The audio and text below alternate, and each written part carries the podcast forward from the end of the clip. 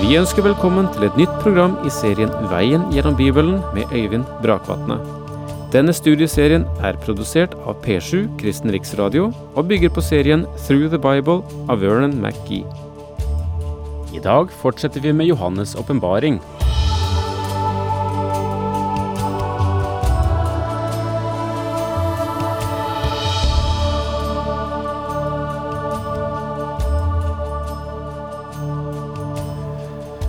Vi har ikke så forferdelig mye igjen av åpenbaringsboken, men vi har eh, sluttoppgjøret. Og så har vi den befriende og forløsende scene når alt samstemmer, når alt løftes opp inn i en helt ny harmoni. Og når menigheten igjen kommer i fokus og blir nevnt og tilhører dette totale kor som eh, istemmer den frigjørende og nye sangen. Så det ligger enda mye interessant stoff og venter på oss i denne spennende Johannes' åpenbaring. Eh, akkurat nå befinner vi oss i eh, kapittel 17, og det handler jo om den store skjøge, som er et uttrykk også for det religiøse Babylon. For en frafallen kirkes aktivitet. Fra sammenhengen mellom religiøsitet og kommersialisme. Ja, her, her er veldige allianser som åpner seg for oss i kapittel 17 eh, og videre utover. Men eh, la oss nå fremdeles gå inn i det kapitlet som omhandler den store skjøge, og vi begynner i dag på vers 6, altså åpenbaringen 17, vers 6. Og jeg så at kvinnen, og det vil si da skjøgen, var beruset av blodet fra de hellige og fra Jesu vitner. Jeg ble slått av undring da jeg så henne, men engelen sa til meg, Hvorfor er du forundret? Jeg skal fortelle deg hemmeligheten med kvinnen og med dyret som bærer henne og har sju hoder og ti horn. Beruset av blodet fra de hellige. Denne skjøgen gjør ikke bare andre drukne, men hun er selv beruset gjennom sine forfølgelseshandlinger. Mens det er sant at menigheten ikke vil gå gjennom den store trengsel når vi nå nærmer oss slutten av nådens tid, så kan de troende likevel vente trengsel. Det er min erfaring, og den deler jeg med andre kristne ledere, at i dag er det stadig vanskeligere å stå for det Guds ord sier, og for det Kristus krever. De hellige henviser antagelig til de hellige fra Det gamle testamentet, og Jesu vitner henviser til de hellige i Det nye testamentet. Og dette forteller oss at Babylon er langt mer enn bare katolisisme. Det er i stedet slik at det er samrøring av alle religioner. Alle sanne troende ble løftet opp ved bortrykkelsen, og Babylon er et samrøre av det som er tilbake. Babylon er et sammensatt religiøst system som inkluderer både protestantisme, katolisisme og kulter, hele skalaen av dem som ikke blir hentet hjem, forstår du. Dette er en komprimert utgave av forvirring, kjetteri og kildespring fra alle slags religiøse avarter og avgudsdyrkelser. Babylon i Det gamle testamentet forfulgte Guds folk og var Guds fiende. Det var Babylon som kastet de tre hebraiske guttene i ildovnen fordi de ikke ville tilbe et bilde, som Daniels bok forteller om. Da Johannes så synet av denne kvinnen, så sier han at han ble slått av undring. Dette er første gang at Johannes har kjent seg tankemessig forvirret. Det har vel vært vanskelig for ham å fange inn alt tidligere også, men dette forundrer og forvirrer ham. Og engelen spør hvorfor han er forundret, når engelen er der for å forklare ham mysteriet om denne kvinnen. Vekten her ligger på virkningene av dyret i form av det romerske imperium mer enn på fremstillingen av Antikrist. Og det tror jeg vi må legge merke til. Dyret du så, det var og er ikke mer, men det skal komme opp fra avgrunnen og gå sin undergang i møte. Og de som bor på jorden, og som ikke har fått sitt navn skrevet i livets bok fra verdens grunnvoll ble lagt, de skal undre seg når de ser dyret, det som var og ikke er mer, men som skal komme igjen. Her trengs det forstand og visdom.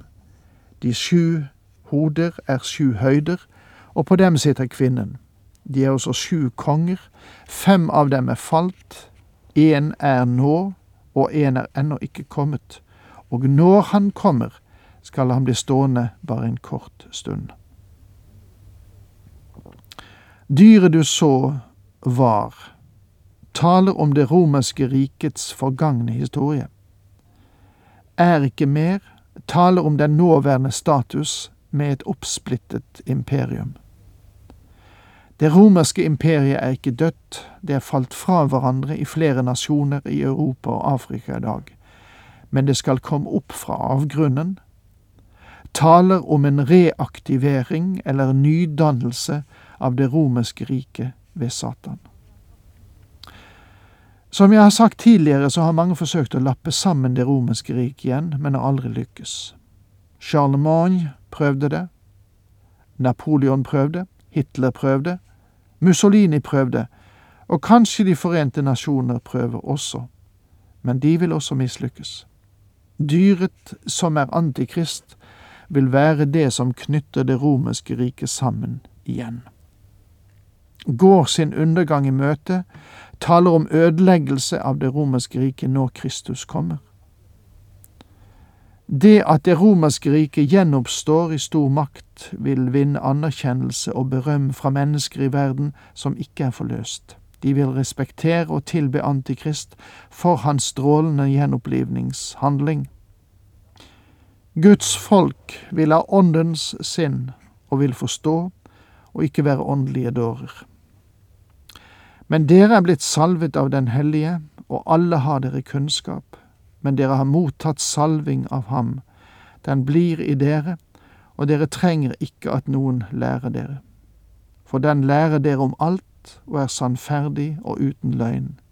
Bli da i ham, slik hans salving har lært dere. De er også sju konger, ses på av noen fortolkere som enkeltstående herskere. Govett gir oss følgende liste. 1. Julius Cæsar ble snikmyrdet. Tiberius myrdet med gift. Caligula snikmyrdet. For det fjerde Claudius forgiftet. Og for det femte Nero begikk selvmord. Én er nå henviser til Domitian, som levde på Johannes' tid, men som også ble snikmyrdet. Og en er enda ikke kommet, henviser til Antikrist. Andre fortolkere ser på disse syv som forskjellige regjeringsformer som Rom anvendte. Her finnes lederbetegnelser som konger, konsuler, diktatorer, desemvirer og militære tribuner. Den som nå er, henviser til den sjette regjeringsform utviklet av Julius Cæsar, og under hvilken Johannes ble forvist av Domitian. Den syvende og siste, som ennå ikke er kommet i aktivitet, vil være satanisk i sin form. Uansett hvilken tolkning vi her anvender, så er eh, det målet som er i sikte, det samme. Antikrist hersker over et gjenoppstått romersk imperium. Dyret som var og ikke er mer, det er selv den åttende, men er samtidig en av de sju og går sin undergang i møte. De ti horn du så, er ti konger som ennå ikke har fått noe rike, men sammen med dyret skal de få kongemakt i en time. De vil alle ett og det samme og overgir sin makt og myndighet til dyret. De skal føre krig mot lammet, men lammet er herrenes herre og kongenes konge og skal derfor seire over dem, sammen med sine, de kalte og utvalgte og trofaste. Til tider betegner dyret generelt sett det romerske riket, men det er også en betegnelse for det siste eller åttende hodet, det vil si den hersker som er antikrist. Her blir da antikrist markert. Han er det lille horn, og eh, i det synet som Gud ga profeten Daniel. Det lille horn overvinner de andre tre horn, vil si tre konger, når han kommer til makten. Og det står i Daniel 7 slik, da jeg ga akt på hornene, fikk jeg se et annet lite horn som skjøt opp mellom dem, og tre av de andre hornene ble rykket opp så de kunne få plass. Dette hornet hadde øyne som et menneske og en munn som talte store ord. Og Så står det videre i det 24. verset. De ti hornene betyr at det skal komme ti konger i dette riket, og etter dem skal det komme enda en konge som er annerledes enn de tidligere. Han skal slå tre konger. Dyret som var, henviser til det romerske rikets historie under herskerne, og ikke er mer, henviser til slutten på det romerske imperium med sitt globale omfang, som gikk i oppløsning en gang mellom det tredje og det femte århundre. Det er selv den åttende men er samtidig en av de syv, markerer Antikrist når dette riket igjen får sin imperiestatus som det gjenopprettede romerske riket. Han er det lille horn i Daniel kapittel syv. Han er ikke ett av de ti horn, men han er atskilt fra dem.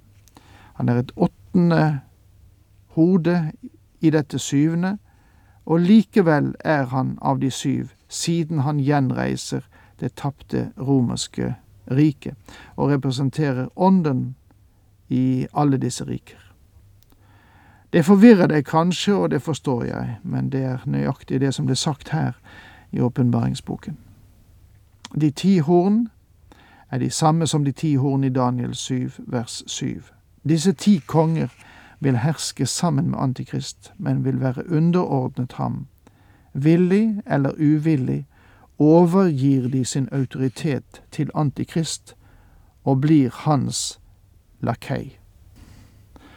Ja, da er det ikke mer enn tiden og veien å si takk for nå, Herren med deg.